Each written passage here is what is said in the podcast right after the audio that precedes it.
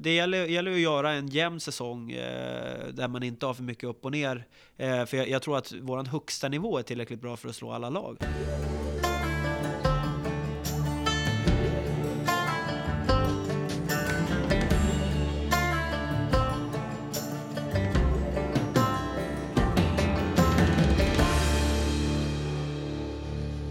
Hej och välkomna till tredje avsnittet av eh, VSK-podden Uppför bågebacken. Yeah!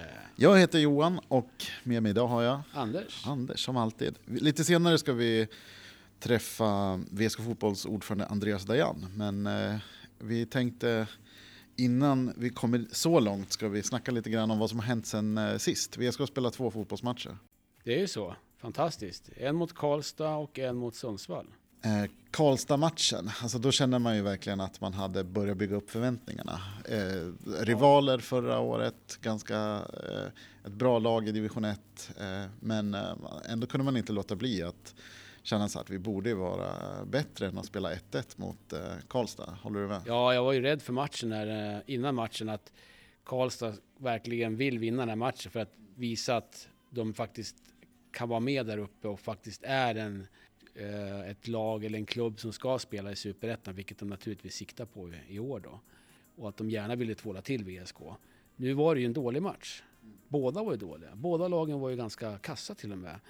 Mycket av förklaringen ligger nog i att de är under, i väldigt tunga träningsperioder. De har inte krutet i benen. Man såg hos många VSK-spelare att det gick trögt i aktionerna. Och likaså i Karlstad. Sen hade de dessutom sin bästa då, Erik Jernberg hemma i sängen, sjuk. sjuk. Men eh, Troné lyckades eh, göra, eh, lobba lite målvakt där i alla fall. Ja, precis. Det ser väldigt enkelt ut, men jag hade ju inte klarat om man hade hundra chanser. Nej, jag tror inte det. Ingen av oss skulle fixa det. Eh, så är det. Och sen var det GIF Sundsvall borta, första riktiga bortamatchen på, på försäsongen och Eh, vi var lite nervösa innan sådär liksom. Skulle vi behöva göra en Sleipner och gå hem i halvtid eller skulle vi... Precis. Men eh, nej, det... nej, det gick ju bra. Jag var ju på plats och såg eh, matchen. Hur många var tillresta såg det ut att vara? Ja, vi var, eh, vi var ju totalt sett så var vi ju fem stycken VSK där uppe. Mm. Ni gick inte runt och frågade alla på läktaren? Nej, Troligt men, som du känner igen. Ja, nej, det var fem stycken som stod ihop i alla fall. Plus min svåger som håller på Sundsvall då dessvärre. Mm. Mm. Men han fick man så han teg? Ja, han blev ju tyst efter ett tag. Eh, när vi faktiskt hade de bättre chanserna och, och eh, faktiskt höll i matchen väl. Fast vi, ja det stod ju 0-0 i halvtid så var det ju ändå med mer smak till VSK. De hade ju bara en enda chans på, eh, när de rann igenom. Eh, I övrigt så var det ganska lugnt. Så att det var ju en väldigt taktiskt sett väl genomförd match på alla sätt och vis. Och, eh, ja, I andra halvlek så gjorde ju Karvan en väldigt fin prestation. Han lägger den där crossbollen och Ronaldinho-passen? Ja, men lite så. Och sen så dyker då anfallaren Emir upp som gubben i lådan, första bolltouchen. Ja, det var, såg väldigt enkelt ut. Ja. Härligt, ja. Nej, men det är kul. Eh, och så fick Kalle Svensson göra... Ja, och han var ju bra resten. Han var ju ändå matchens man på något sätt. Han eh, både eh, höll ju rent där i straffområdet och dessutom gjorde mycket bra saker även högre upp på planen. Var ju verkligen en en härförare i den matchen. Så det, och det, det känns ju kanske, om man tittar just på den här försäsongen, eh, väldigt skönt att han är tillbaks i gammal, ja, men i gammal gods, gott slag och verkligen visar att han vill och göra det här med VSK. Man kan ju verkligen se att han brinner för att göra bra matcher. Jag tror att det är jätteviktigt. För det är sådana människor vi behöver där ute när det går lite tyngre än vad det gör i matchen mot Sundsvall vi ligger under med två bollar. Då ska det också kvitteras. Liksom. Mm. Exakt. Och sen inför matchen så tog ju anno 1904 också ett snack med Marcus Danielsson. Ja, exakt. Det var en jäkla fin, ett fint reportage. Ja, det var ju det. En av våra eh, inte så aktiva reportrar gjorde ju det reportaget och eh, pratade med, med Marcus. Ja, det var väldigt trevligt att läsa, måste jag säga själv, som läsare till det reportaget. Han trodde ju att eh, VSK skulle få det svårt, men det var ju, eh, Sundsvall borta var ju en lätt match. Ja, han ville ju inte säga... Han höll ju inte på något av Nej, han kunde ju inte göra det, Men det var att, ju eh, mest bara för att han ja. vet att andra skulle bli ledsna. Egentligen så håller han ju på VSK. Ja, såklart. Så, vad ska, så. men vad ska han säga? Han har ju spelat där i sex år, så han måste ju Ja. säga att det ska bli oavgjort då. då. Men... Eh, och när vi pratade med deras supporterförening så var de ju trygga i att de skulle vinna med 3-1 och ganska komfortabelt. Men eh, ja, de har ju en del att jobba med. De är ju verkligen spansk influerat lag med kort passning och instick och allt det där. Men de fick ju inte det att fungera mot VSK. Trots att de hade bollen i säkert 80% av tiden. Boris stängde den norrländska tiki-takan. På... Ja, i alla fall i första halvlek. Sen Ja. blev han utbytt. Ja. Men, men, men eh, som lag så Mm. gjorde vi en otroligt bra försvarsinsats. Det går ju det går inte att säga någonting annat. Och just den här Hallenius är ju farlig när han eh, vänder upp med bollen. Eh, eller om man får vända upp med bollen. Det gjorde, fick han ju några, man fick det bara ett par gånger och då lyckades jag inte han få någon bra träff på bollen. Så det blev aldrig farligt. Och där, men vi lyckades hålla bort honom. För det, där är ju han grym bra när han får vända upp och klippa till bollen. Eh, men det blev bara två sådana lägen som jag minns. Så riktigt bra försvarsspel. Riktigt bra försvarsspel. En annan sak som vi har kikat lite på här är ju det här med spel, speltid eh, på försäsongen. Och mål och poäng under försäsongen. Men om man börjar med speltid så eh, jag blev nästan lite förvånad. Eller om man säger så här att i slut, om man tittar på förra året så trodde man ju inte kanske att det skulle vara eh, Dennis Persson och Boris Levar. Och som, för det var ju de två som toppade den listan på speltid. Så här Mm. långt, ja på försäsongen, ja precis. Lite, då tänker jag utifrån att det är väl två positioner. Dennis har ju tuff konkurrens med Stefan Batan och Bor, det har ju pratats en del om att förstärka liksom, defensivt mittfält och liksom, folk har tjatat här om eh, Moggia och så här, och så här att, eh, men nu har han kommit in sent och inte börjat liksom, och spelat eh, och så. Men det är ändå, vi toppar med två stycken som har varit lite, det känns fel att säga ifrågasatta, men ändå liksom men konkurrensutsatta. Konkur- ja, det är, ju, det är ju nästan alla, men de är ju definitivt hårt. hårt konkurrensutsatta. För de har ju så att säga i konkurrens spelare som är meritmässigt klart mer meriterade än vad de är spela, som spelare betraktat. Och Boris har ju kanske gjort sin allra bästa försäsong i VSK under de här matcherna som har varit nu i vinter. Han har ju som sagt var spelat det mesta, förutom nu sista halvleken då i, i Sundsvall. Och gjort det jättebra. Och verkligen eh, börjat spela one-touch också. Det har inte vi sett Boris göra så många gånger förut, men nu har till och med han har börjat. Och då vet man, om han gör det, då har laget lyft sig. För spelar han one-touch, då gör alla andra det också. Eh, så att eh, det ser bra ut. Han har verkligen lyft sig som spelare eh, på ett imponerande sätt ska jag säga. Och så att jag tycker det är jättekul att han och Modja med flera som ska ta den platsen kommer få jobba hårt för att ta den av honom. Ja, den har ju liksom prövats mot absolut bästa motstånd. Exakt, exakt. Det är, inte, det, är inte, det är inte bara division 2-gäng liksom, utan Nej. nu är det en rad av allsvenska och eh, superettan med mera lag som har prövats emot. Så att absolut. Spännande. Och tittar man på mål och poäng då så Troné har gjort tre mål på 185 minuter och med lite snabb eh, matematik kan man då räkna ut att är han frisk hela säsongen så blir det 45 45 Trevligt. Eh, det, det, det, kan vi nu, det kan vi nog faktiskt sätta ställa ska, som vi, krav. ska vi ställa det som krav? Ja, det att han jag. är fri, eller hel hela säsongen eller att han gör 45 eh, Ja, alltså Ja. 45 Ja. mål. Sen, sen om man vill göra det på en match på eller, en hand. Eller, nej, men, nej, så precis. spelar det ingen roll. Nej, men, nej, men alltså, det är en bra, det är ett jäkla bra eh, snitt. Det är ju eh, fantastiskt ändå. snitt. Men det är ju, det är ju Filip, när han är frisk och får de bollar, alltså att laget kan leverera bollar till honom i de ytor där han är spets, då blir det mål. Det är, det är Filip, så har det varit i alla år. Kommer bollarna rätt bara, han vet hur han ska löpa, han vet sina styrkor. Och när han kommer från kanten och att de naturligtvis de andra då i anfallarna, med mittfältarna också löper in så han kan slå bra passningar så att han kanske inte gör alla mål själv men även assistera mål.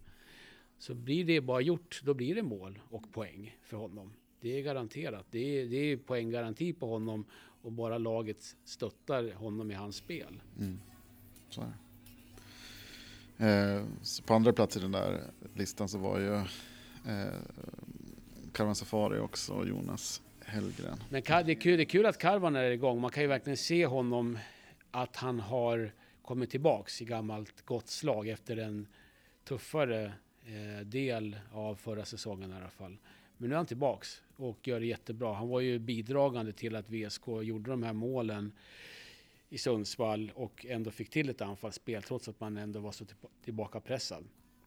Det var ju mycket tack vare att Karvan fixade biffen liksom. Och passar inte Smajic har man ju eh, sett ett par gånger sedan dess som man säger så. Precis. Så, ja. Och Jonas är ju lite kul också att han har gjort ändå ett antal poäng nu på våren eller på vintern och han eh, han har, ju, han har ju ändå en konkurrensutsatt position, men det märks att han också vill spela i år. Han, alltså, det finns ju väldigt få som inte är konkurrensutsatta. Nyförvärvet Filip Ottosson har ju fått sjätte mest speltid och än så länge noll eh, poäng. Känner du, är det för tidigt att säga någonting, att utvärdera där någonting? Eller tror du att han är en startspelare? Ja, på sikt är han ju definitivt det. Han har ju så mycket boll i sig. Eh, han, men han har inte hittat in i spelsystemet än. Man, och eh, det kommer han ju göra såklart. Och när han har gjort det så kommer han att vara en otroligt bra kraft framåt. Han är otroligt skicklig med bollen och bra speluppfattning och han är farlig, framförallt i den sista tredjedelen. Man märker att han trivs där uppe i anfallet snarare än att jaga boll på mittplan. Det är inte, inte hans största styrkor.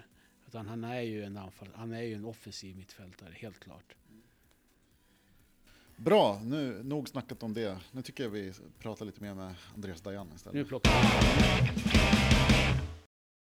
Och eh, som eh, gäst har vi VSK Fotbolls ordförande Andreas Dajan. Välkommen. Tack så mycket.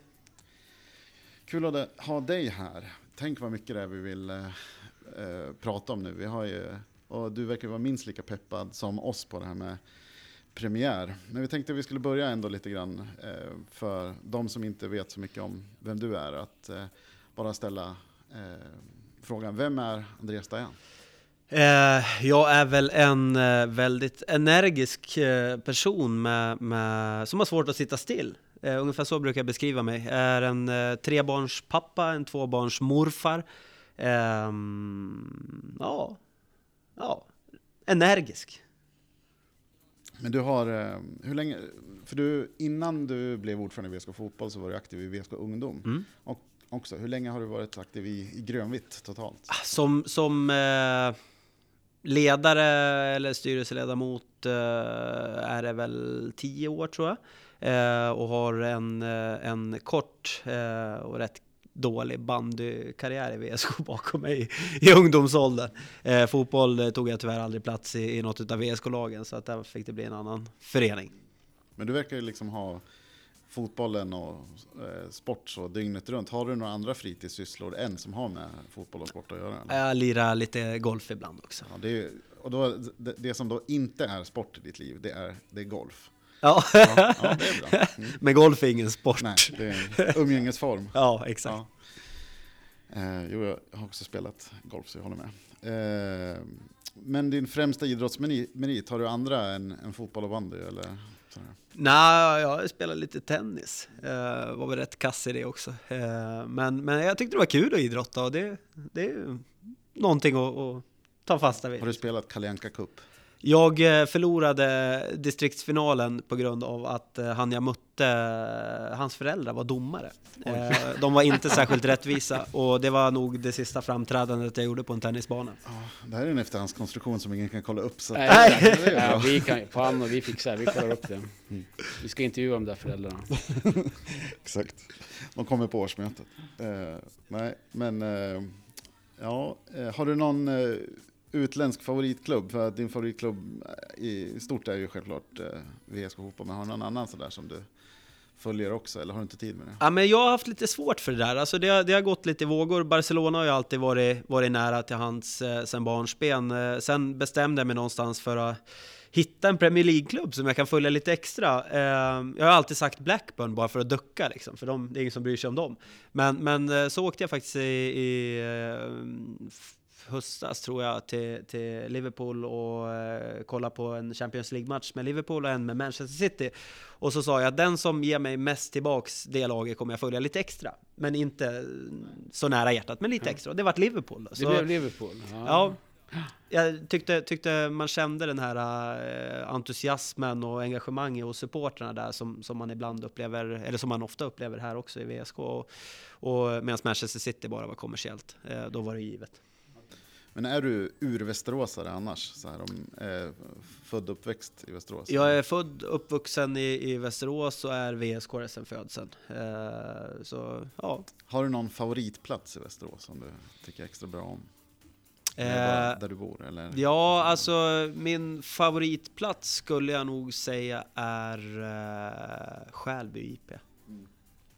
Där har du hängt mycket? Där har jag hängt mycket jag och det, det, känns som ett andra hem. Man blir lugn och avslappnad när man är där ute. Eh, hyfsat natur, naturskönt sådär. Inte lika nervös som när du är här Nej, på Solidpark Det här är en helt annan sak. Ja men det är bra. Det är, tryggheten finns på Skälby IP i alla fall. Har du någon hemlig färdighet sådär som någonting du är bra på som ingen vet om? Um, eller som inte lyssnarna eller vi vet om. Det, det finns säkert. Den där, var, det där var faktiskt en väldigt svår fråga. Men eh, en hemlig färdighet skulle väl vara att jag tycker själv att jag är rätt duktig på att laga mat, även fast jag sällan gör det. Men jag har börjat lite smått nu igen. Ja. Och skulle din familj hålla med om vi intervjuar dem i ett senare läge? Ja, men det tror jag faktiskt de skulle göra. Men de skulle mm. också säga att det var, det händer inte ofta. Han är bra på att hålla det hemligt. ja, exakt. ja, det... Du, um Eh, nu är det ju årsmöte nästa vecka. Det innebär ju i praktiken att du har varit ordförande i VSK under ett helt år nu. Det är till och med lite drygt blir det för det var väl tidigare förra Ja, det var tidigare förra året, ja. så lite längre. Exakt. Hur skulle du sammanfatta det här året? Eh, jag skulle sammanfatta det som eh, väldigt mycket upp och ner, eh, i, eh, både på ett känslomässigt stadie men även utifrån, utifrån eh, en kontroll, så att säga. Eh, det, är, det är en stor förening med väldigt mycket processer involverade, eller processer igångsatta och processer som, som snurrar som man har lite svårt att greppa. Men, men eh, ja, upp och ner, eh, upp på slutet när man känner att man har koll. Så kontrollbrist som har blivit kontroll, det är ett sånt där en process som har varit under året då? Ja, det kan man väl säga. Vi, vi har ju gjort eh, fler, flertalet aktioner för att få en bättre styrning, en bättre uppföljning och, eh, och där kan jag känna liksom att när det satt på plats och när vi börjar få ordning på det så, så börjar man känna sig trygg. För att det är ju så, alltså, man, man, kan tycka och tänka vad man vill, men när man känner att man i alla fall vet varför saker blir som de blir, då vet man ju det. Och då, då känner man en sorts trygghet i det i alla fall, för då kan man börja förändra de sakerna som inte är bra. Och då förstår vi det som att eh, det var mycket luckor när, när ni kom på plats, nya styrelsen då förra året. Ja, men eh, det, det man inte heller får glömma bort är att, att eh, jag skulle vilja säga att 2015 så startades ju en, en resa, jag har, jag har sagt det vid ett flertal tillfällen, där man successivt började bygga. Eh, och sen när man tittar på en ideell förening så, så är det ju alltid så att eh, det är inte som ett företag där folk jobbar åtta timmar om dagen med sina grejer, utan, utan det tar lite längre tid ibland att få ordning på vissa saker. Eh, när, när vi då kom in så, så känns det som att vi någonstans har tagit vid det, det arbete som har gjorts och sen knutit ihop säcken lite grann och fått ut en produkt eh, i slutet nu då som, som gör att det här kan vi nu jobba efter. Det här kan vi börja förändra de sakerna som är mindre bra, förbättra de sakerna som redan är bra för att någonstans bygga klubben eh, mot en väldigt ljus framtid. Det lät ju fint. Ljus ja. framtid. Eh, det har ju säkert varit en del utmaningar. Vad tycker du den största har varit då? Eh, ja, men den största utmaningen det har varit matcherna. Alltså just, just den här pressen som både, både laget och organisationen har haft på sig. Att, att det har varit liksom... Uh, vi vann. Istället för att ja, vi vann. Liksom.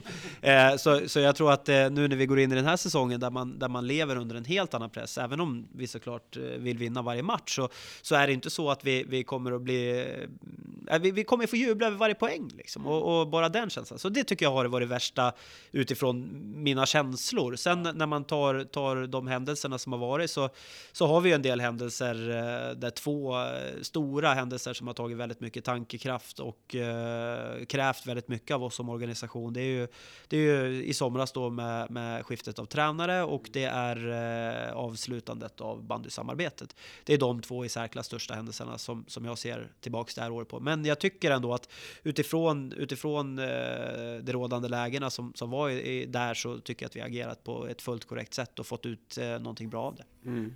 Är, det här, är de här eh, surdegarna avklarade nu så att säga? Ja, eh, alltså absolut. Det... Ja. ja. Vilka var dyrast av dem? alltså... vi har årsmöte snart. Ja.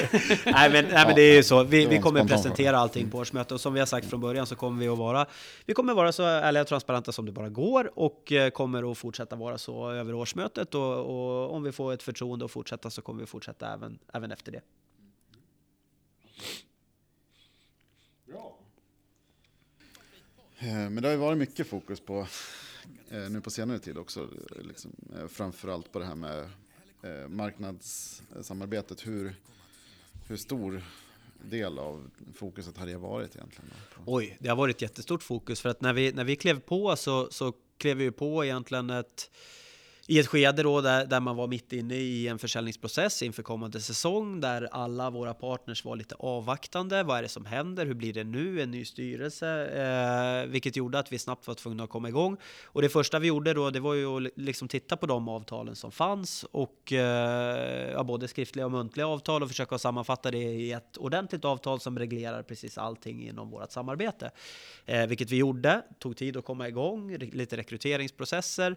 Eh, och sen eh, när vi väl hade kommit igång och, och började bli insatta i hur arbetet eh, var och hur allting såg ut och det, hur det gynnade klubbarna så kom både vi och Banny gemensamt överens om att det här går inte. Alltså tanken och idén kring ett samarbete, absolut, alltså alla förstår den det är ju klart, alltså man delar på lite personal och man säljer året om och jättefint. Eh, men, men i verkligheten när du, ska, när du ska samsas om en organisation, vem ska man prioritera som, som anställd när du har två arbetsgivare och, och även utifrån den ekonomiska aspekten att hur ska vi prioritera när den ena klubben eller den andra behöver lite mera stöd? Eh, så blir det för svårt. Och eh, det konstaterandet gjorde vi. Vi bröt ett samarbete och båda klubbarna verkar må jättebra av att vi har brutit det samarbetet. Så jag tror alla är nöjda och glada faktiskt. Det låter ju lite konstigt att, att en ganska given, logisk så att säga, process att eh, ha en gemensam funktion. Det är ju många organisationer som har det för att ja, spara resurser, kraftsamla, vad du vill. Och att, eh, men vad, det låter lite konstigt att man skulle kunna eh, misslyckas för att det här ska ju ändå liksom det är ju inte rocket science. Man ska ringa upp företag och prata med dem och höra hur de kan på olika sätt då hjälpas, hjälpa föreningarna att eh, eh, utvecklas. Så det är ju inte så svårt egentligen. Nej, det kan ju tyckas. Men, men eh, samtidigt så, så, får man ju väga in här att eh, vi är två föreningar som har två helt olika eh, verksamheter, mål, ambition. Där vi har en förening som är mesta Mästarna. De ska bibehålla sin position som bäst i Sverige, bäst i världen. Eh, I en sport eh, som är bandy då, som, som är störst i Sverige och Ryssland. Eh, vi, vi pratar fotboll där vi i, i Västerås eh, SK Fotboll då vill uppåt, framåt, eh, allsvenskan, om tio år, vem vet vad, vad, vi siktar mot då? Vi vill dit och vad, då har vi våra utmaningar i det. Så vi är ju, vi är på väg i en resa som har börjat som, som pekar spikrakt uppåt. Bandyn ska bibehålla och, och takta ihop det här med varandra i en gemensam organisation, marknadsfunktion. Det är det som är utmaningen. Men du sa tidigare att det mesta av det här nu känns som att det ligger bakom oss här. Men man undrar ju fortfarande ändå hur, om det går att säga någonting om hur mycket bandyn är skyldig i fotbollen idag. Nej, bandyn är skyldig oss 1,2 miljoner. Mm. Eh, det, det som var i, i slutet av förra året, det är reglerat och klart. Mm. Så att eh, det här är då, det, det är de som ska vara skyldiga, det är reglerat nu då vid per den sista december då? Ja, förutom ja. den, den skulden som redan är reglerad via, via ett skuldebrev. Och jag förstår att du inte kan avslöja några detaljer, men är det jättelång eh, avbetalningstid på de här pengarna nu eller? I det skuldebrevet som, som ligger så är det så att eh, det står ju där att under 2019 ska vi komma överens om när det, detta ska regleras. Eh, och eh, vi har valt då att invänta allt allt som är just nu innan vi sätter oss ner i de diskussionerna, även om vi har kontinuerliga möten där den här frågan finns med. Så att eh, det kommer att komma en typ av plan eh, som vi kommer att presentera. Eh, kanske till och med till årsmötet, men eh, annars blir det strax därefter. Men, men det är inte så att vi har tappat bort dem här på något sätt. Och det, är, det är ju så att när, när eh, du har en, en fordran så där så är det ju lite den som har fordran ute som, som kan bestämma lite grann hur man vill ha det. så det är inte så att, att det kan, blir en krona om året i 1200 år. Eller, ja. Vi har, vi har ju verkligen eh, verkligen gjort en resa nu sen eh, egentligen under hela förra året där vi har förberett saker. Men jag tycker de senaste, senaste tiden, eh, senaste månaderna efter att vi var klara för avancemang, eh, bara det i, i den uppbyggnation som Ado har gjort eh, i sportgruppen med alla de funktionerna som är involverade. Alltså det är, det är så bra.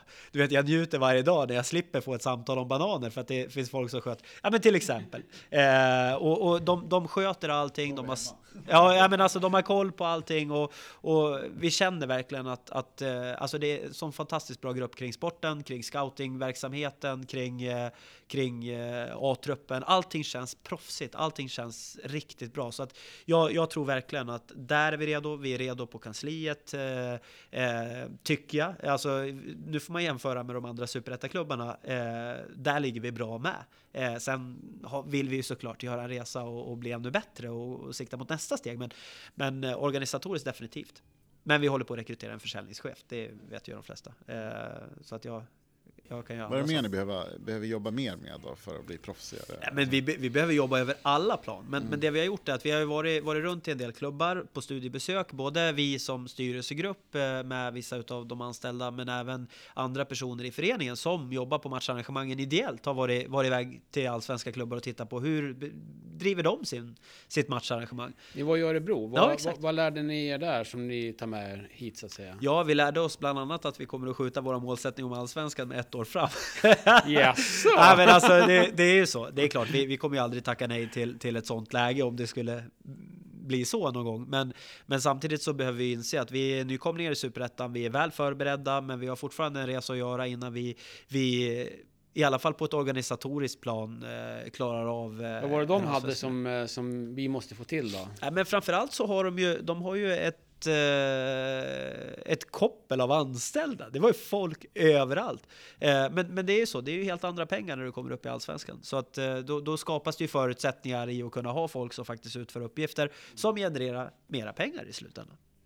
Men vi är på väg. Men det, vi, vi måste ändå vara ödmjuka om att det är inte bara det sportsliga som avgör. För att eh, går vi upp, då ska vi fan inte bli ett jojo-lag. Utan går vi upp, då är vi där för att stanna. Eh, det är så vi måste resonera. Och nu i ett första skede så, så handlar det om att etablera sig både sportsligt och organisatoriskt i Superettan. Och det är det, det är det vi jobbar efter i år. Och sen om det går bättre så är det ju, ja, då är det en bonus liksom. Jag tänkte på, vi var inne lite grann på matcharrangemang. Eh, kan vi förvänta oss några nyheter som besökare på parken när vi ska spela match? Ja, det kan ni göra. Eh, bland annat så får vi upp en ordentlig mediaskärm. Eh, 99% säkert att den sitter uppe på premiären, annars blir det eh, matchen efter mot Trelleborg. Okay. Eh, 28 kvadratmeter stor. Eh, ja, men det blir på riktigt. Liksom. Ja. Den här är ju, ja, ja, den, är ju den är lite fjantig. Den är lite liten. Eh, och sen, sen har vi, vi kommer att klä in kiosksegmentet nu med lite grönvitt. vi har våra spelarvepor då, som vi kommer att hänga upp lite snyggt och sen göra det lite mer grönvitt. Mm. Och sen har jag som sagt en liten överraskning till, till premiären. Okej. Okay. Det vi, eh, när vi gick upp hit så fick vi visa en sak. Kan vi prata om den eller? I korridoren där tänkte jag på. Um, ja, ja, ja, absolut. Ja, men det kan vi prata om. Ja. ja. Berätta. Ja, men vi, vi, våran eh, kära Robert Hallenius, eh, tidigare Robert Edin, han eh, hjälper oss nu och målar, eh, målar innerväggarna här inne på Solid Park eh, i spelargången. Eh, där vi kommer att göra ena sidan neutral då, för det är inte bara våran arena, och den andra sidan kommer bli VSK-fierad eh, med en fantastisk fototapet som kommer sitta precis när spelarna ska gå ut eh, på plan. så är det, förhoppningsvis så kommer det vara ett väldigt lyft för dem när de ska ut och hitta den här sista energin och laddningen och motståndarna för, förhoppningsvis så blir de lite, lite skraja. Det låter bra. Ja. Så det, det, är det sista de ser innan de kliver ut ja, på arenan? Okay. exakt. Perfekt, perfekt. Ja, det låter som en bra idé. Alla medel är ju tillåtna i krig och fotboll. Ja, ja visst, så är det. härligt, härligt. Du nämnde tidigare någonting om det här med att, att ni håller på här och ska anställa försäljningschef. Hur, för att stärka organisationen, hur, hur ser ni på um, det här med att anställa sportchef eller klubbchef eller liksom något sånt? Nej, men det ligger ju med i, i, den planen som vi har satt upp eh, inför säsongen 2020. Eh, framförallt för att det skapas ett ekonomiskt utrymme för att kunna göra organisatoriska investeringar. Vilket av det? Båda eller en av dem? Ja, ja, tror, ja det beror lite på. Men alltså, det, det är inte alls omöjligt. Alltså, det beror ju lite på vilken profil vi väljer utifrån en klubbchef. Är det en klubbchef som är riktad utifrån ett försäljningsperspektiv eller är det en klubbchef som är riktad utifrån ett sportperspektiv? Eh, jag tror att vi, vi på sikt definitivt kommer att behöva båda rollerna och då är frågan om vi inte ska köra så direkt. Eh, så det är någonting som, som eh, den nya styrelsen får, som, som blir vald nu får, får diskutera. Men, men i våran plan så ingår att vi ska förbereda de här rekryteringarna nu under hösten. Jag reagerar bara på, inte bara VSK Fotboll utan flera andra föreningar som det verkar vara väldigt, väldigt chefstätt. Så här. Alla, ja. har, alla, ja, har alla fina chef. titlar. Ja, men det är bra. Men, men, hitta, kan ni titta engelska titlar på allting också? Jo, som vi... till exempel player manager. eller liksom, det borde finnas... Eh, men det, det som är lite grann utifrån att, att man titulerar dem på det sättet, det, det handlar ju om hela konceptet med SEF, där de kallar alla sportchefer och alla klubbchefer. Så att det är klart att vi kan, vi kan döpa dem till ja, klubbadmin.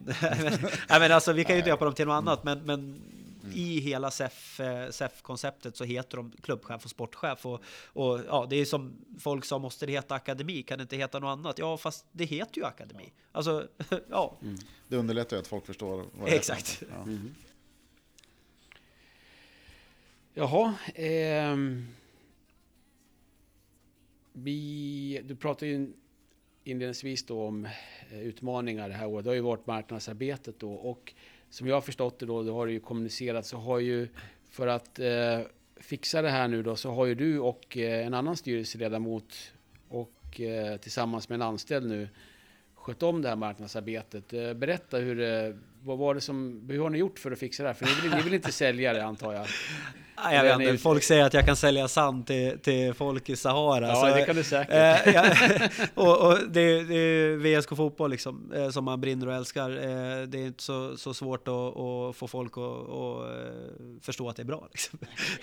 Nej, men, men, man kan väl konstatera att vi, vi hamnade i ett läge där vi satt helt utan marknadsorganisation i vår absoluta försäljningsperiodstopp. Mm. Vi, vi har vår största försäljningsperiod inför säsong för att eh, sett till synligheten då på arenan arenan och, och ja, men framförallt för att intresset och hela uppladdningen är då. Så då satte vi oss ner i styrelsen och sa hur gör vi? Eh, alternativet var att stressa fram rekryteringar eller att ja, men vad, jag och Annika då, som, som har eh, tid över, ja, men vi kör.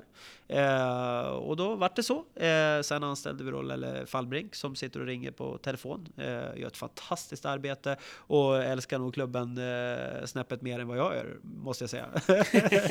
Om det, eh, det är inte att nedvärdera nej, nej, absolut inte. nej. Absolut inte. Eh, men så, så vi körde igång och har väl, eh, vi har varit i kontakt med samtliga utav våra tidigare partners som vi hade i, i samarbetet. Eh, och en eh, mängd med nya företag. Eh, så att vi har fått en, en rätt bra bas liksom, av företag som, som vi är väldigt stolta över att ha här och, och glada för att de vill vara med och hjälpa oss på den här resan och där, där vi ser att det finns en framtid i, i eventuella större och samarbeten med befintliga partners också. ja. Så hur ska du liksom beskriva din, din nya karriär som säljare där? Har det om vi tänker så här, förutom att det har gått bra och du är VSK och kan övertyga folk att langa över stålar. Eh, hur skulle du karaktärisera, när du har de här mötena med företagen, hur, sku, hur är känslan i rummet när du pratar med dem om VSK fotboll och framtiden och vad, du, vad vi vill åstadkomma som klubb? Och, hur, och hur de ska vara med på den här resan och så vidare. Ja, men framförallt eh, det som jag har märkt att det är ett väldigt positivt, eh, en positiv aura kring, kring fotbollen. Alltså folk, eh, folk pratar om oss på, på jättefina sätt och just i och med att vi är ute och träffar alla, vi ringer alla, så blir det ett VSK fotbollssurr överallt. Har VSK ringt dig? Har de ringt dig? Och sen hjälper de till företagarna själva och ger oss tips på andra som inte har blivit kontaktade. Så att det, det, varje möte jag har är ju en positiv klang och, och jag måste ju säga att utifrån det tidigare samarbetet så har ju nästan till alla partners varit väldigt nöjda med, med samarbetet. Så att det har ju varit bra väldigt bra så. Eh, så att eh, våra partners som, som vi har signat upp nu är nöjda med hur det har varit tidigare. Ser fram emot säsongen här med, med superettan och den extra exponeringen det blir för de som, de som tycker det är viktigt och, och många vill vara med på den här resan och, och tycker att VSK Fotboll gör någonting bra. Mm. Du nämnde att uh, ni har nya sponsorer som inte varit med tidigare också. Ja. Hur, uh, men har ni bara ringt upp dem och sagt att nu är det dags? Eller hur, hur, hur, hur har ni gjort det? Ja, nej, men det är så. Man, man, man ringer upp och säger att nu, nu träffas vi. Du har inget val. Och, så, och det, det, är ju, det är ju bra, men då är frågan så här. Eh, och de har då, en del av dem har ju uppenbarligen sagt ja också. Då. Ja. ja. Eh, och har det liksom hur mycket har det spelat roll att det har varit superettan nu då, jämfört med division 1? Så att säga? Vad, vad är känslan där? Jag, jag, tror, jag tror att det betyder väldigt mycket. Vissa, vissa företag vill ju, använder det här som en, som en marknadsföringskanal och, och med simor sändningar och, och eh, den, det intresset som alla vet finns kring VSK Fotboll inför den här säsongen så, så vill man vara med. Man, man, vill inte, man vill inte stå utanför när, när det kommer bli en sån stor snackis som det kommer att bli. Eh, så jag, jag, tror att det handlar mycket om det, att man ser, ser en eh, Eh, en helt annan eh, marknadsföringskanal eh, hos oss i, i år än vad man har gjort tidigare. Och sen handlar det om att, det handlar om att skapa ett förtroende och ett förtroende bygger du långsiktigt och när de känner att ja, men nu kan vi lita på VSK Fotboll igen mm. efter alla svåra år för, förut när det var ett svart hål och så vidare. Så nu, nu börjar liksom folk förstå att ja, men vad fan, det är i ordning. Nu gick de upp. Ja, okej, okay, vad händer nu då? Ja, men det kommer lite nya bra spelare. Ja, vad, vad, är nästa steg? Ja, men jag vill vara med igen. Eller vill vara med för första gången. Så. Ja, men det är jätteroligt. Ja. Du, jag läste lite grann eh, i lokaltidningen om det här med eh, be, ni har ju begränsningar i liksom lokalerna här och vad ja. som är på gång. Eh, vill du berätta lite grann om vad heter arenan och faciliteterna ja. här, liksom, vad som kan tänkas? Ja, men vi, vi, eh, satt ju, vi hade ju vårt kansli ihop med VSK bandy. Eh, sen var det för trångt så vi flyttade ner eh, den delen som var kopplad till sport ner hit till ett litet skrymsle, vilket funkar jättebra. Eh, nu när, när vi har vår egen marknadsorganisation och kommunikation och och diverse andra funktioner som på mer eller mindre ideell basis jobbar så, så behöver vi liksom ha fler platser. Så vi tog ett skrymsle till, men det är trångt. eh, så, och sen har vi inte så mycket för kommersiella ytor i samband med matcher för våra partners att kunna vara. Så att då har vi tittat på en utbyggnation av ett eh, nytt gym till A-lagsspelarna och ett, eh, en kanslibyggnad och en eh, souvenirshop i ett, och ett konferensrum då som man kan använda som en kommersiell yta. Så att vi har fått in en offert eh, som vi då via det här trepartskonceptet med Rocklunda Fastigheter, Västerås kommun och VSK Fotboll får titta på och titta vad kommer det här att kosta oss. Sen är det upp till oss att göra en bedömning. Okej, okay, kan vi bära kostnaden i år? Kan vi bära kostnaden om 10 år? Kan vi bära kostnaden om 20 år? Och utifrån det ta ett beslut. Det är det första. Det låter ändå som att det är ett tag kvar tills det liksom kan hända någonting. Det tog lite längre tid än väntat och det har väl att göra med byggboomen som är överallt. Eh, priserna blir ju därefter. Eh, men eh, jag tror och hoppas att vi kan ha, ha någonting klart under det här året i alla fall. I, i den frågan. Eller så kan du bara invänta byggkrasch 2019 här. Ja, så kan det vara.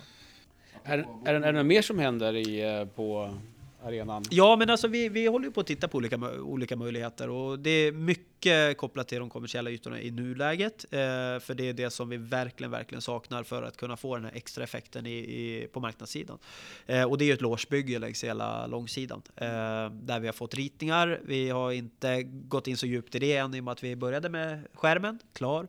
Nu tittar vi på nästa.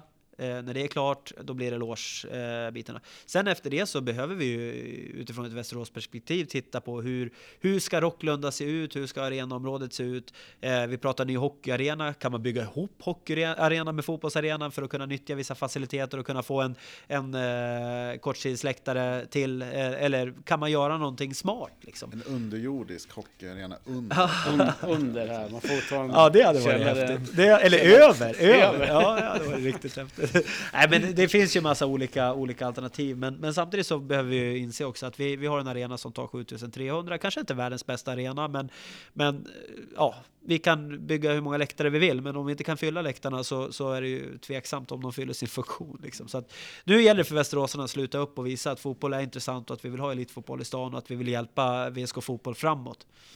Men nu är ju den stora snackisen lite grann så här, om människor sluter upp och hur, om man tar sig hit, om man, om man får en parkering eller inte. Hur, vad, vad säger du till de som är oroliga inför premiären? Hur, hur, eh, Ja, då vill jag först eh, passa på att säga att inför premiären så förväntar jag mig att alla de som funderar på att åka hit tar sig ner på stan och har lite trevligt och, och går marschen.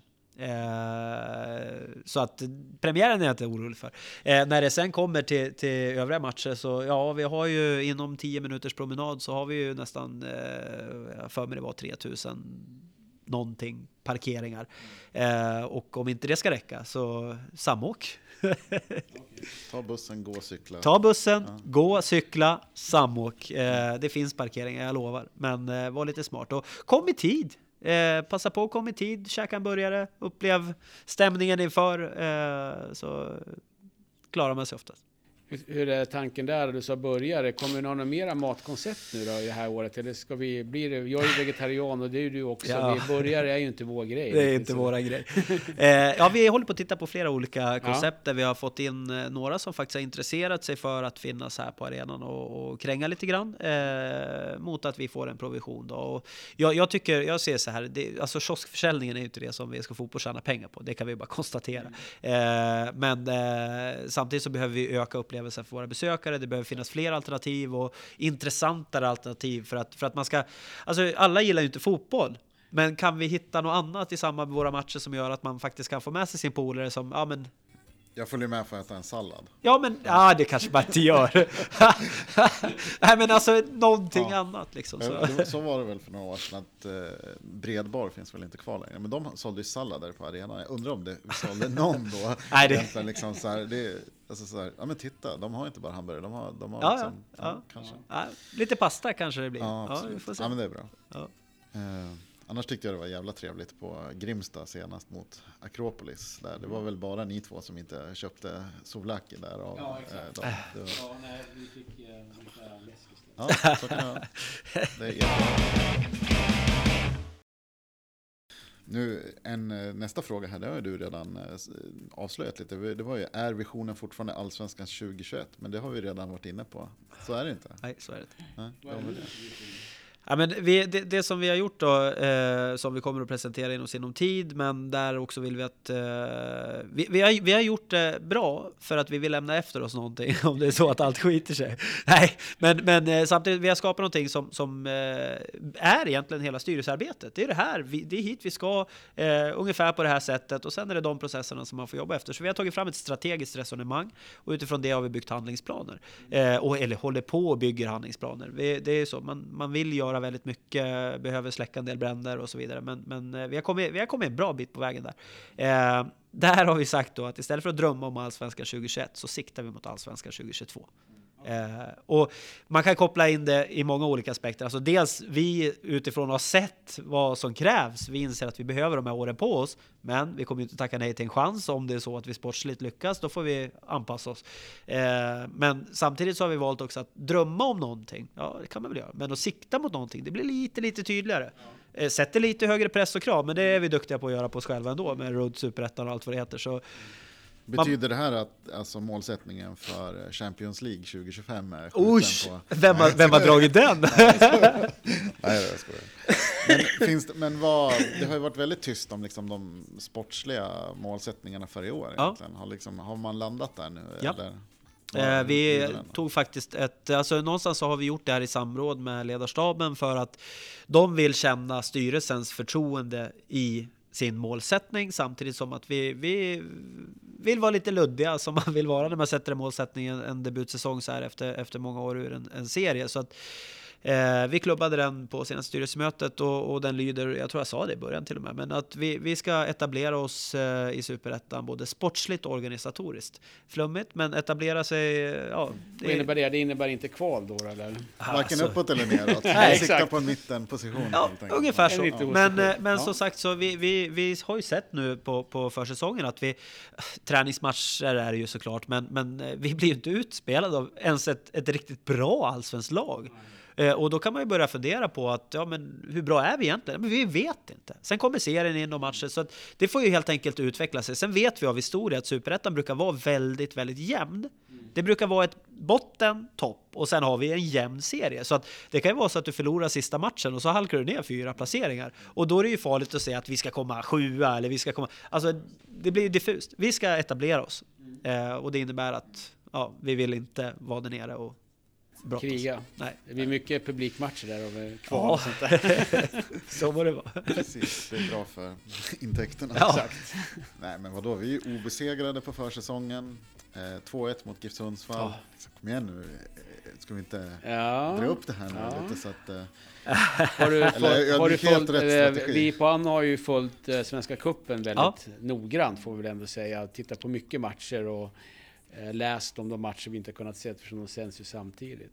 Men eh, det finns definitivt ett, några lag som sticker ut ja. Eh, i, i, som kompetensmässigt.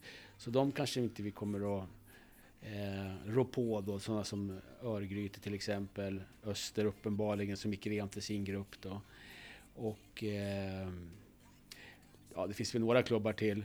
Men sen finns det ju också några som inte är lika bra. Så att det eh, svårt att värdera då sådana som Varberg och eh, Syrianska är ju helt oklart var de står. Eh, i, sin, sist. ja, alltså i sin truppbygge. Det, har ju, det vet man, de har ju i princip förlorat allt de har ställt upp i matchmässigt. Men Dalkurd kanske också är lite...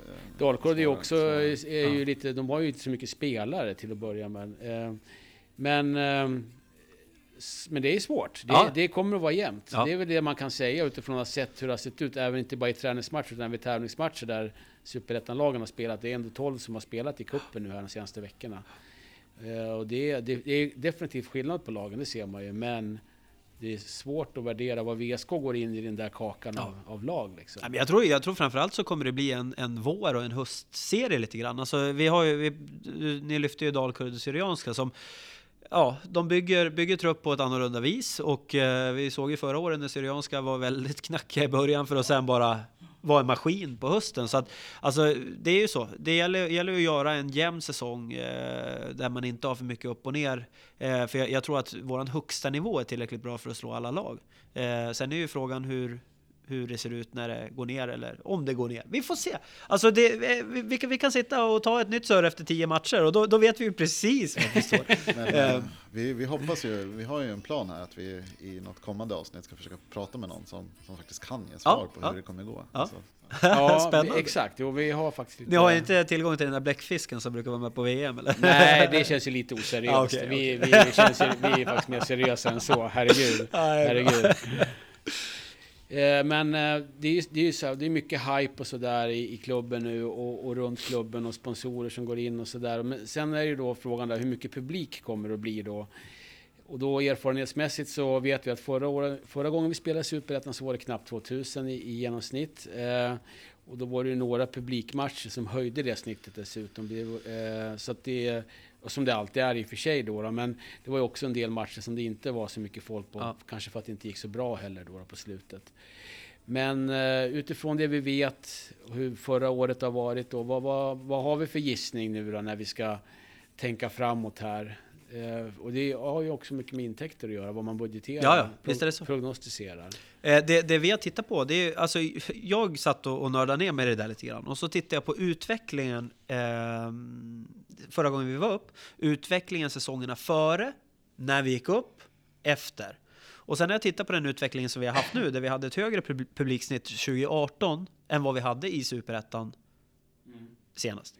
Eh, vilket då visar på, och jag vet ju att det finns ett större intresse, framförallt med våran egen ungdomsverksamhet med, med nästan 800 spelare eh, som då inte fanns då i den utsträckningen gör ju att vi får fler besökare bara där och deras föräldrar Det är och deras syskon. på dem. och Ja, nej, men inte tvångskommendering, men alltså finns de, de är ju intresse. Ja, Ja. de är ju VSK och brinner för det här. Så att jag, jag, jag skulle säga att utifrån ett, ett budgeterande, då har vi inte ökat snittet särskilt. För vi vet inte hur det kommer att bli. Vi vet inte, blir vi topplag, bottenlag, mittenlag eller vad, och vad är intresset egentligen? Men, men jag hoppas ju på att det här verkligen kommer ge effekt. Jag, jag hör det snackas eh, på alla, alla möten jag har liksom, om att intresset är högt. Eh, det pratas VSK på arbetsplatser, vilket gör att några borde liksom, ja men jag ska nog gå och titta på någon match och så får vi se till att göra, göra ett bra intryck. Både sportsligt och, och, och eh, arrangemangsmässigt så att folk kommer tillbaks. Mm. Just det. Och ni har ju kommunicerat att det går bra med eh, säsongskortsförsäljningen. Har du några nya siffror? Eh, nej, det är så här va, att han som jobbar med biljettdelen är ju våran praktikant Fabian och han eh, är inte här idag men kommer imorgon och då Ja. gör han alltid i ordning de här som vi då har skickat till honom. Eh, så, så, och då får vi alltid en siffra. Så, men jag skulle kunna tänka mig att vi börjar närma oss... Nej, men nej, jag, jag, jag, väntar, jag väntar, väntar till vår nästa kommunikation. Men, men det man kan konstatera bara att ekonomiskt så har vi redan sprängt den budgeten vi har satt. Eh, eller den budgeten vi har arbetat med, så Ja, vi har ja. fått höja upp den i Ja, säsongskortsförsäljning. Eh, det är svårt, eh, vi har inte jättebra koll på, på historiken, men, Nej. men alltså vi har sålt Ni hade ju tagit fram någonting Ja, på Anno där Ja, med ja, det var ju- 35 sålda kort 2015. Ja, det var ju vad klubben kommunicerade och vi har ju inte heller någon Nej. officiell statistik. Nej, men det fanns i alla fall en kommunikation då att det var så. Ja, precis. Nej, men eh, vi, vi, har ju, vi, har ju, vi ligger ju på en helt annan, eh, alltså utifrån ekonomi så, så är det jättebra. Ja. Eh, men, men samtidigt så, så som vi har liksom resonerat kring det här med inträde och biljetter så är det ju så att nu har vi gått upp till Superettan. Superettan kostar på ett helt annat sätt än vad Division 1 gör eh, och bedriva de här arrangemangen, vilket gör att vi kan inte vara lika frikostiga med, med att dela ut fribiljetter till till så många personer som vi har gjort. Eh, och det är jättetråkigt, för man skulle vilja att alla skulle kunna gå hit eh, oavsett eh, vad man har för förutsättningar. Men samtidigt så behöver vi ju, vi behöver ju hitta ett värde på vår verksamhet och ett värde på vårt arrangemang och det är 15 matcher. Köp ditt säsongskort, det är en stor rekommendation. Eh, för det, det är alltid viktigt att kunna stötta oss mot, mot fortsatta, fortsatta eh, Mm. ja, Och det spännande är saker. ja, mest värde för pengarna också. så Ja, absolut. Ja. Visst är det så. Nästa vecka är det årsmöte Ja. eh, i föreningen och eh, det är ju alltid intressant att veta, nu vet jag att du inte kommer att säga någonting idag, vad som ska säga där, men, men är det någonting som, eh, vi, någonting som vi supportrar ska bespetsa oss på på årsmötet? Eh, ikväll kommer vi ju att skicka ut de eh, handlingarna som härrör till årsmötet så att alla får en förberedelse på vad som komma skall. Eh, det är inga, inga eh, speciella grejer som har kommit in, två motioner som vi håller med om och kommer att besvara eh, på årsmötet. Eh, det kommer inte bli lika mycket prisutdelningar i och med att vi valde att göra det på, på våran gala efter säsongen och kommer att fortsätta göra på det viset. Däremot kommer det vara lite priser till, som VSK-vännerna delar ut. Eh, och sen är det ju de frågorna som kommer att, att röra egentligen ekonomin, för det är det som är intressant i det här läget. Sportsligt kan man ju inte förvänta sig så mycket mer än att vinna en serie. Eh, vi har gått upp i superettan, vi har förberett, förberett oss för att, för att ta oss an superettan. Utan det blir ju ekonomin och där vi kommer att redogöra för 2018, vi kommer redogöra för, för eh, hur vi ser på 2019 2020 lite grann och snudda på så att man förstår hela, hela våran, våra tankesätt kring, kring resan framåt. Eh, så ja, Mm. Eh, jättebra. Är det någonting som eh, eh du ska...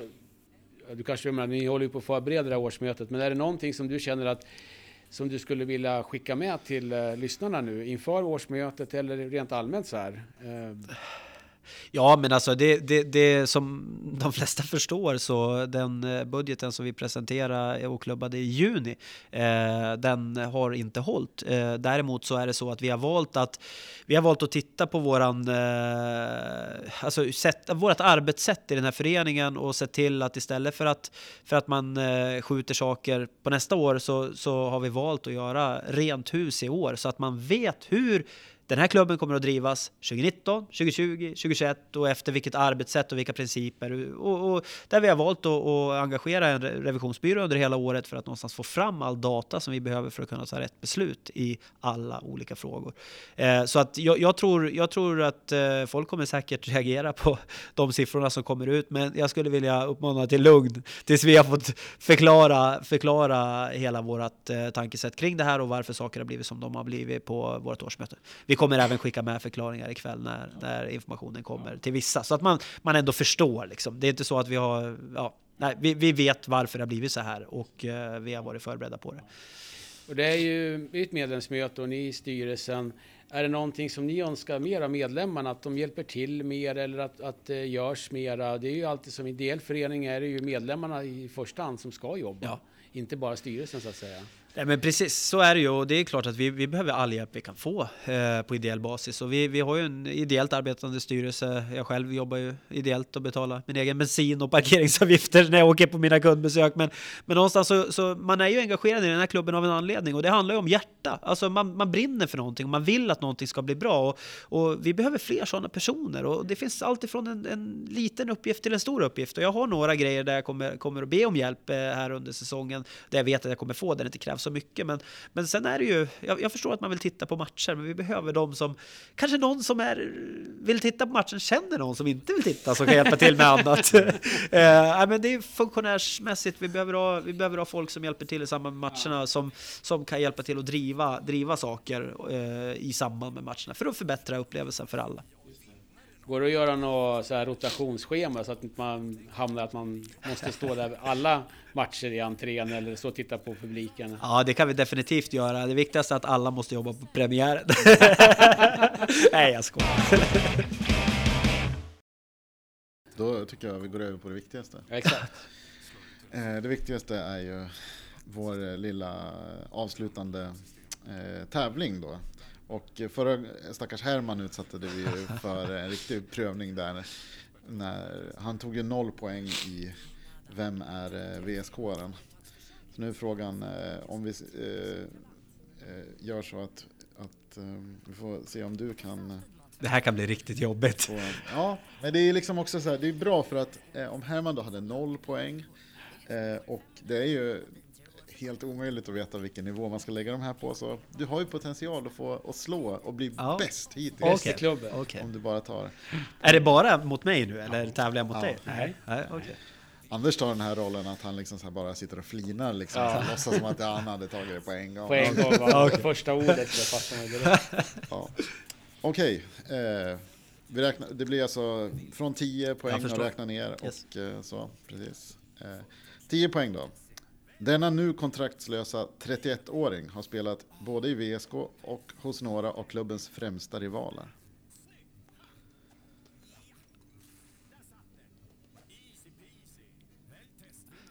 Får jag chansa eller jag kör då? Nej, kör, chansar du.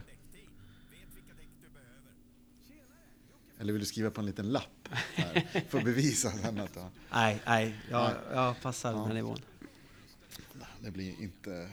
Eh, han har spelat 27 matcher i grönvitt eh, och är en 185 cm lång anfallare med 18 u-landskamper. Eh, nu börjar Anders med sitt flin och vinka lite grann och säger jag vet, jag vet. Och det, och det vet vi inte om han egentligen jag egentligen vet. Jag kan skriva ner det nu. alltså det är åldern jag är lite osäker på. 31. 31 27 matcher. En säsong. Ja kontraktslös. Om du tänker på 27 matcher och vilken serie det innebär. Har lite hjälp. Ja, just det. Mattias Mete. Jajamensan. Tack Anders. Åh, varför kunde jag inte ha tagit den på förra? Det hade jag ju kunnat tänka mig. Snurrar det förbi på första? Nej. Nej. Ska, vi, ska vi köra de andra i alla ja. fall då? För, eh, sex poäng. Eh, spelaren värvades från Syrianska IFK Buran. Ja, där hade även spelat för Syrianska FC Dalkurd. Fyra poäng. Han vann den interna skytteligan i VSK Superettan-säsongen 2011 med 12 gjorda mål. Två poäng. Det är oklart om Mattias gillar fiske, men hans efternamn är... ja. Ja. Jag tänkte liksom att det måste ändå liksom, Herman fick ju noll. så Ja, det ja liksom exakt. ha- Vi kan inte utsätta Ja, någon fler noll. noll- Nej, inga fler noll. Vad landade jag på för poäng? Åtta var det va? Ja, Ja, det var- hjälp. det är ju rätt. Åtta med lite Ja. hjälp. Ja. Men det var, det var den Mm. första borde jag kanske, kanske jag kunde ha tagit den på, men jag Ja. tänkte inte så, så långt. Hade du sagt lokalrivaler då hade jag direkt sagt vem det var. Ja, just det. Mm. Ja, men eh, tack så jättemycket för att du kom hit och att vi fick komma hit och att vi fick spela in det här. Just och tack eh, själva för att jag fick vara med. Jag har faktiskt varit lite nervös och känt mig lite hedrad. Så ja, Ja, väldigt det trevligt. ska du göra. Alla Det- de här elaka sakerna liksom, och, och attackerna på dig, de klipper vi ju bara. Ja, ja. Liksom. Precis, precis. Tack så jättemycket Ja, för att du tack. vara med. tack, tack.